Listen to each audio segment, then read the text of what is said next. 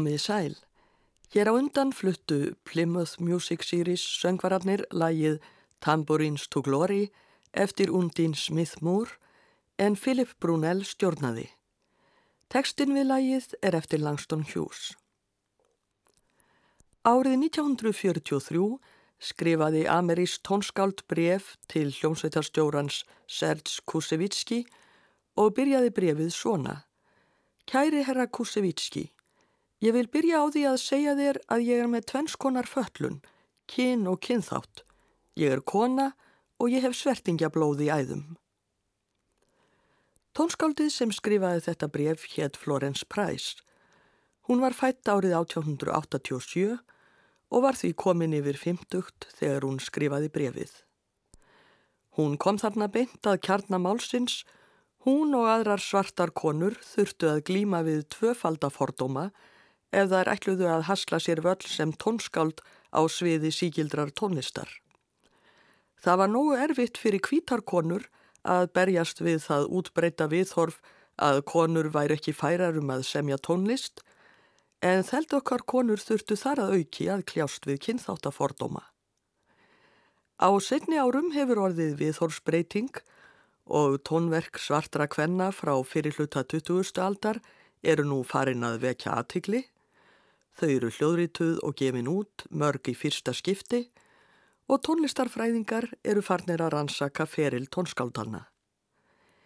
Í þessum þætti verður flutt tónlist eftir þrjár þeldökkar konur frá fyrir hluta 20. aldar, Florence Price, Margaret Bonds og Undin Smith-Moore. Elst af þessum tónskáldum er Florence Price en eins og áður sagði fættist hún árið 1887 í Little Rock í Arkansas fylki í Bandaríkjunum. Fadir hennar, James H. Smith, var eini svarti tannlæknirinn í borginni og móðir hennar, Irene Florence Smith, hafði verið tónlistarkennari áður en hún giftist og starfaði við viðskipti í Little Rock. Irene kendi dóttur sinni og hæfileikar Florence komu fljótt í ljós Hún leik fyrst á piano á tónleikum fjögur ára gömul og fyrsta tónsmið hennar var gefin út þegar hún var 11 ára. 17 ára gömul fór Florence í tónlistarháskóla Nýja Englands en sangkvæmt ráleggingum móður sinnar leindi hún þar uppbruna sínum og þóttist vera ættuð frá Mexiko. Hún var nógu ljós á hörun til þess að það væri tekið trúanlegt. Florence lagði stund á pianoleik, orgelleik og tónfræði og útskrifaðist með bakkalárgráðu árið 1906. Eftir að hún kom aftur til Little Rock starfaði hún sem kennari og fjast líka við tónsmíðar. Árið 1912 giftist Florence lögfræðingnum Thomas J. Price. Kynþáttahattur var farið að magnast upp í Little Rock og það kom fyrir að svertingjar væru teknir af lífi án dóms og laga. Florence og Thomas ákváðu að flytja burt og 1927 fluttu þau með dætur sínar tvær til Chicago. Þegar þangað var komið fór Florence að auka við tónlistarmentun sína meðal annars í tónlistarskólanum Chicago Musical College.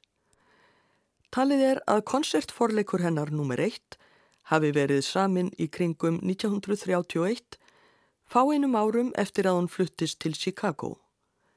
Við hlýðum nú á þennan forleik. Hann er byggður á næra sálminum Sinner please don't let this harvest pass. Sindari látt ekki þessa uppskeru tíð fara hjá og samin fyrir hefðbundna symfoníu hljómsveit að við bættri þriðju flautu trompett, básúnu og fjórum slagversleikurum. Symfóníuhljómsveit BBC leikur konsertforleik nr. 1 eftir Florence Price, stjórnandi er Michael Seal.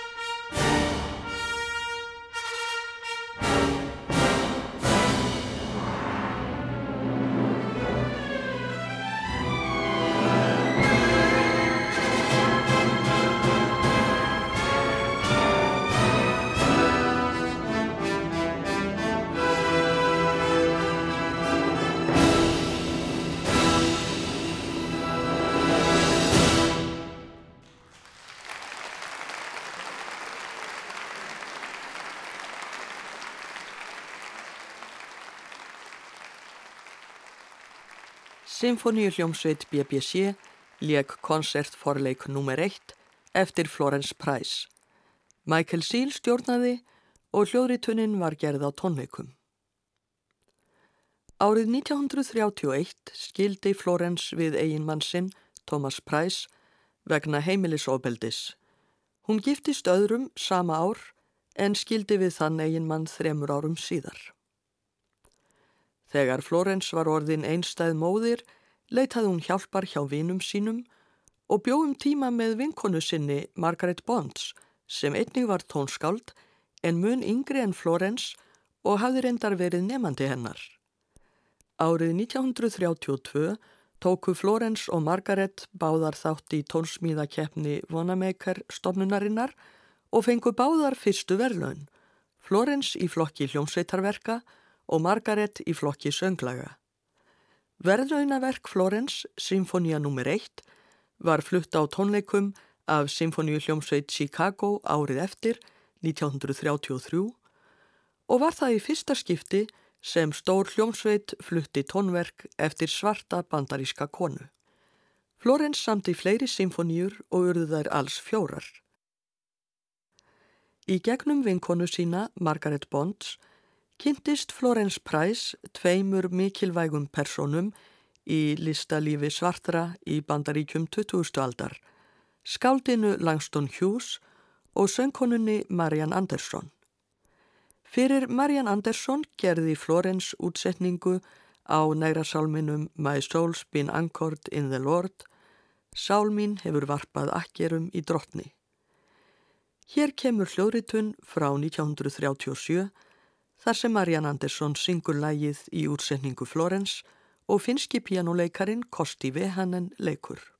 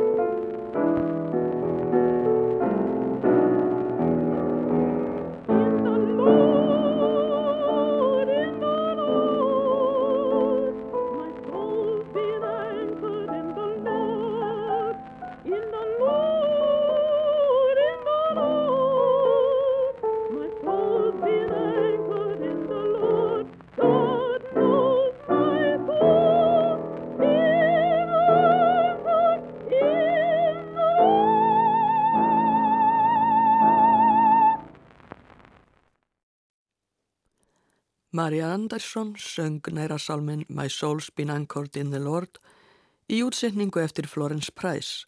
Kosti Vehanen leik með á piano. Florence Price dó árið 1953, 66 ára að aldri.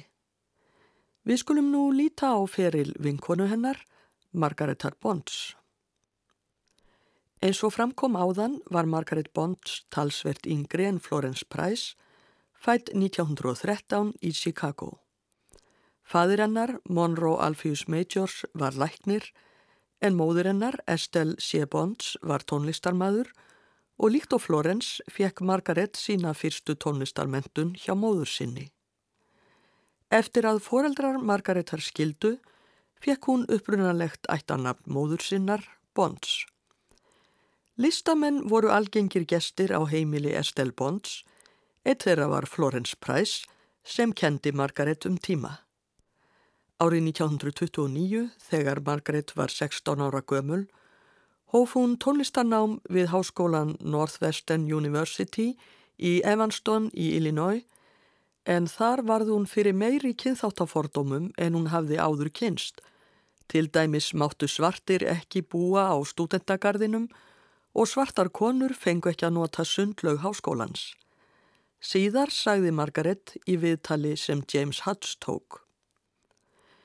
Ég var í háskóla sem var fullur af kynþáttafordómum, á stað sem var gegn sírður af fordómum.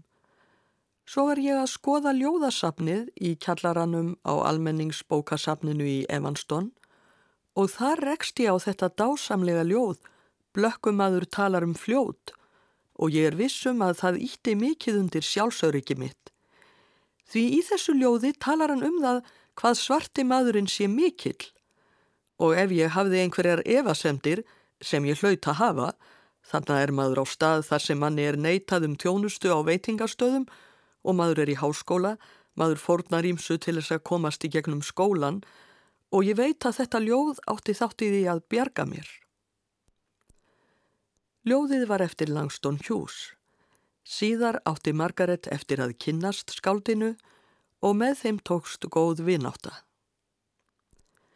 Margaret tók bakkalárgráðu í pianoleik og tónsmíðum við Northwestern háskólan árið 1933 og meistaragráðu 1935. Við skulum nú hlýða á sönglag sem hún samti 1936 við ljóð eftir Langston Hughes, Winter Moon eða Vetrarmáni. Þar segir, en hvað mánin er mjór og beittur í kvöld, en hvað bokna mánasigðin er mjó og beitt og draugslega kvít í kvöld.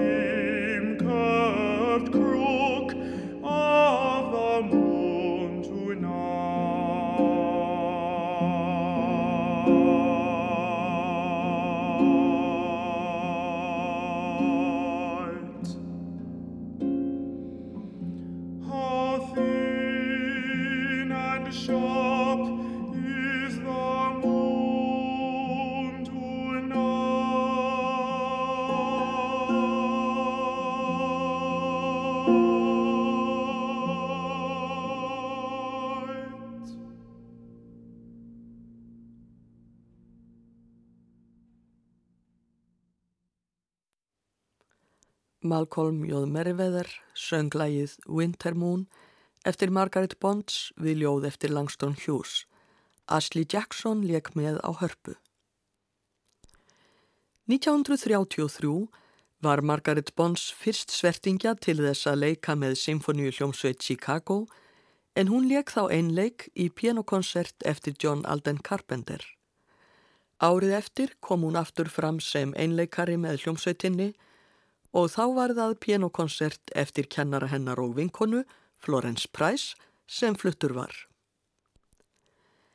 Eftir meistaraprófsitt við Northwestern háskólan fluttist Margaret til New York og stundaði það nám við Juilliard tónlistarskólan. Hún giftist Lawrence Richardson 1940, þau byggu í Harlem hverfinu í New York og Margaret stundaði list sína bæði sem kennari, tónskáld og pianoleikari. Meðal annars stopnaði hún Margaret Bonds kammerhópin sem flutti engum verk eftir svört tónskáld. Hún samti mörg söngverk sem til fluttnings á leiksviði. Hér verður nú fluttur söngvaflokkurinn Three Dream Portraits, þrjár draumamindir sem Margaret samti við ljóð eftir Langston Hughes árið 1959. Fyrsta ljóðið er Minstrelman, skemmtisöngvarinn. Þar segir, þó að munnur minn sé víður af hlátri og háls minn sé djúpur af söng, heldur þú samt að ég þjáist ekki neitt eftir að hafa bælt niður sásauka minn svona lengi. Annað ljóðið er Dream Variation, tilbríði við draum. Í því segir að kasta til handleggjunum á einhverjum sólarstað að ringsnúast og dansa þar til dagurinn kvíti er liðin, kvíla sig þá á svölu kvöldi undir háu tré meðan nóttin kemur svo þýðlega, dökk eins og ég, það er draumur minn. Þriðja ljóðið er I too, ég líka, þar segir. Ég syng líka um Ameríku. Ég er dekri bróðirinn. Þeir láta mig borða í eldhúsinu þegar gestir koma, en ég hlæ og borða vel og verð sterkur. Á morgun mun ég sitja við borðið þegar gestirnir koma. Engin mun þá dyrfast að segja mér að borða í eldhúsinu. Auk þess munu þeir sjá hvað ég er fagur og skammast sín. Ég er líka Ameríka.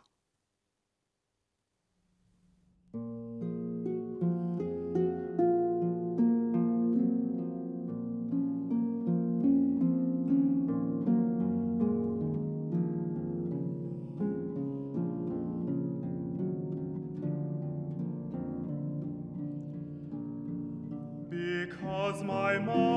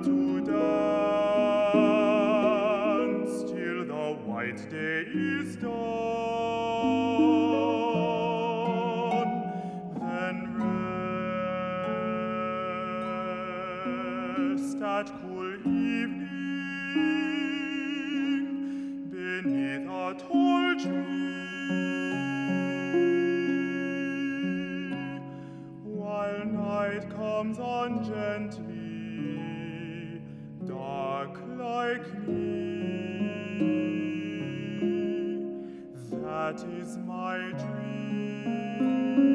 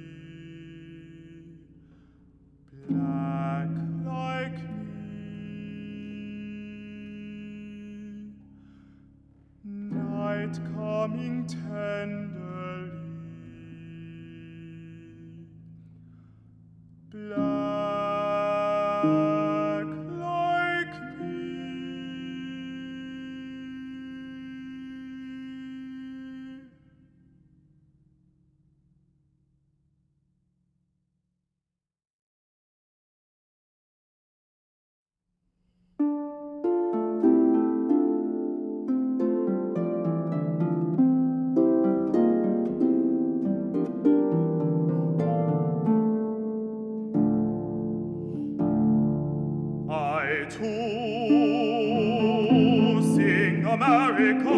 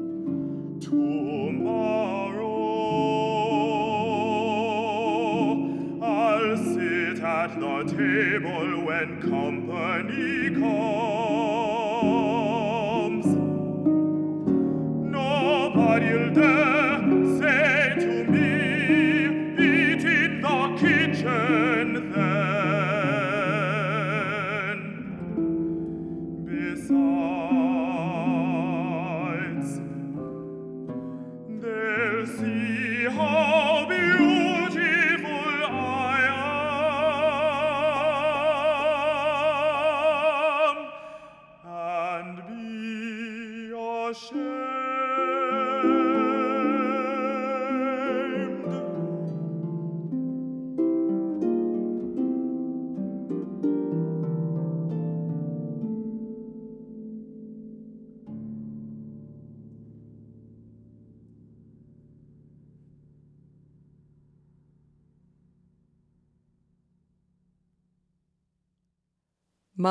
J. Merriweather söng þrjár draumamindir, Three Dream Portraits, lög eftir Margaret Bonds við ljóð eftir Langston Hughes. Ashley Jackson leik með á hörpu. Það fekk mjög á Margaret Bonds þegar Langston Hughes dó árið 1967. Eftir það fluttist hún til Los Angeles og þar lést hún árið 1972, 59 ára að aldri. Við heyrum nú lag sem Margaret Bond samti við ljóð eftir County Cullen. Margaret samti lagið upphaflega 1933 en gerði breytingar á því 1956.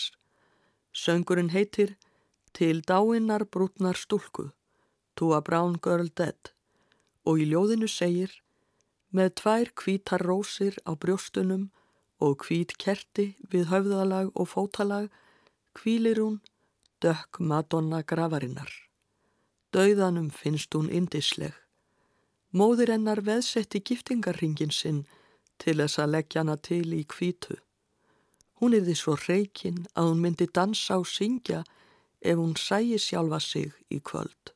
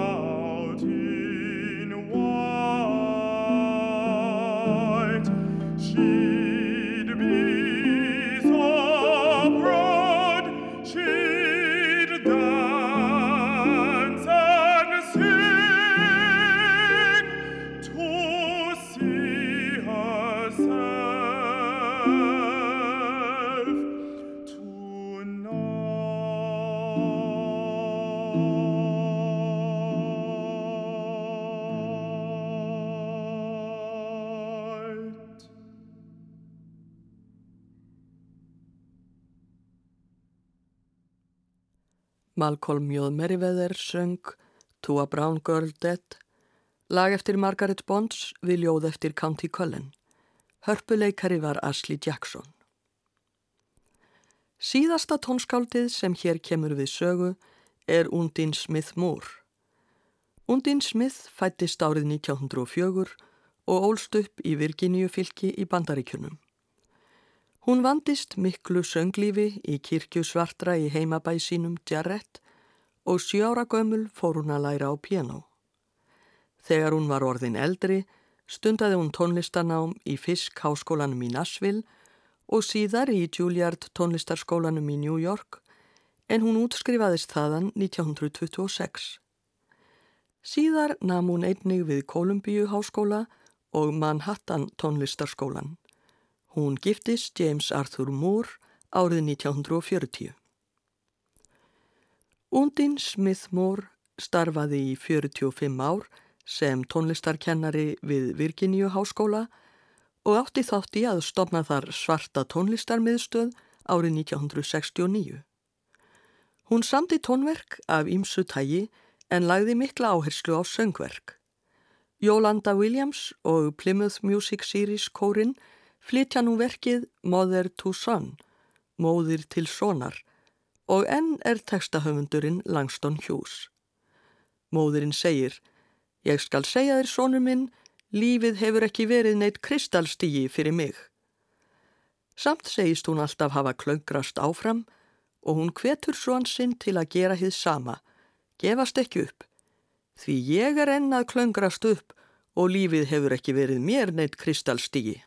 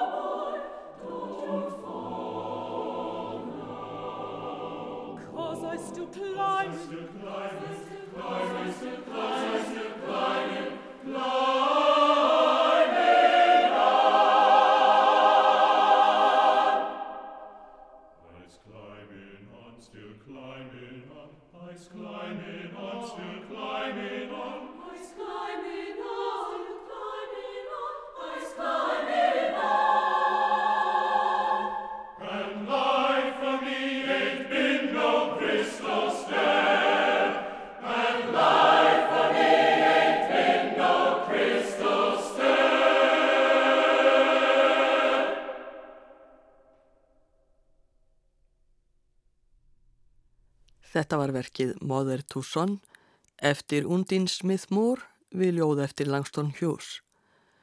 Jólanda Williams, sopran, söng með Plymouth Music Series kórnum en Philip Brunel stjórnaði. Undine Smith Moore lést árið 1989, 84 ára gömul. Hún hafði þá samið meir en 100 tónverk en stærsta verkið var oratórian atriði úr lífi Píslarvotts sem hún samdi til minningar um Martin Luther King árið 1981. Hennar var þó ekki síður minnst sem tónlistarkennara en það hafði hún sagt að kennsla væri í sjálfu sér listgrein. Við heyrum nú að lokum útsetningu Undin Smith Moore á trúarsöngnum We Shall Walk Through the Valley, Við munum ganga um dalinn sem er eftir ókunnan höfund. Plymouth Music Series söngvararnir syngja og Philip Brunel stjórnar. Ég þakka hlustendum samfélgina, veriði sæl.